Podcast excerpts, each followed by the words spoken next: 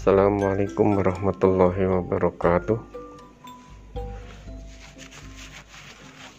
Salah satu pelajaran kehidupan yang harus kita laksanakan adalah berbuat baik kepada orang tua atau berbakti kepada orang tua. Allah subhanahu wa ta'ala mengingatkan di dalam surat Al-Isra wa qadara rabbuka alla ta'budu illa iyyahu wa bil walidaini ihsana dan diperintahkan oleh Allah agar tidak menyekutukan dengan yang lain dan hendaklah kalian berbuat baik kepada kedua orang tua.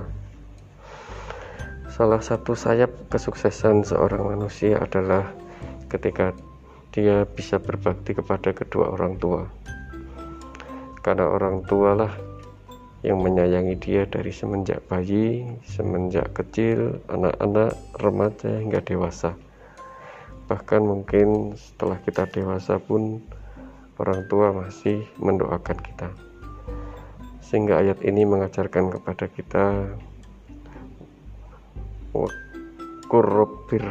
huma kama rabbayani sohiro kasihilah ya Allah mereka sebagaimana mereka menyayangi kita pada waktu kecil.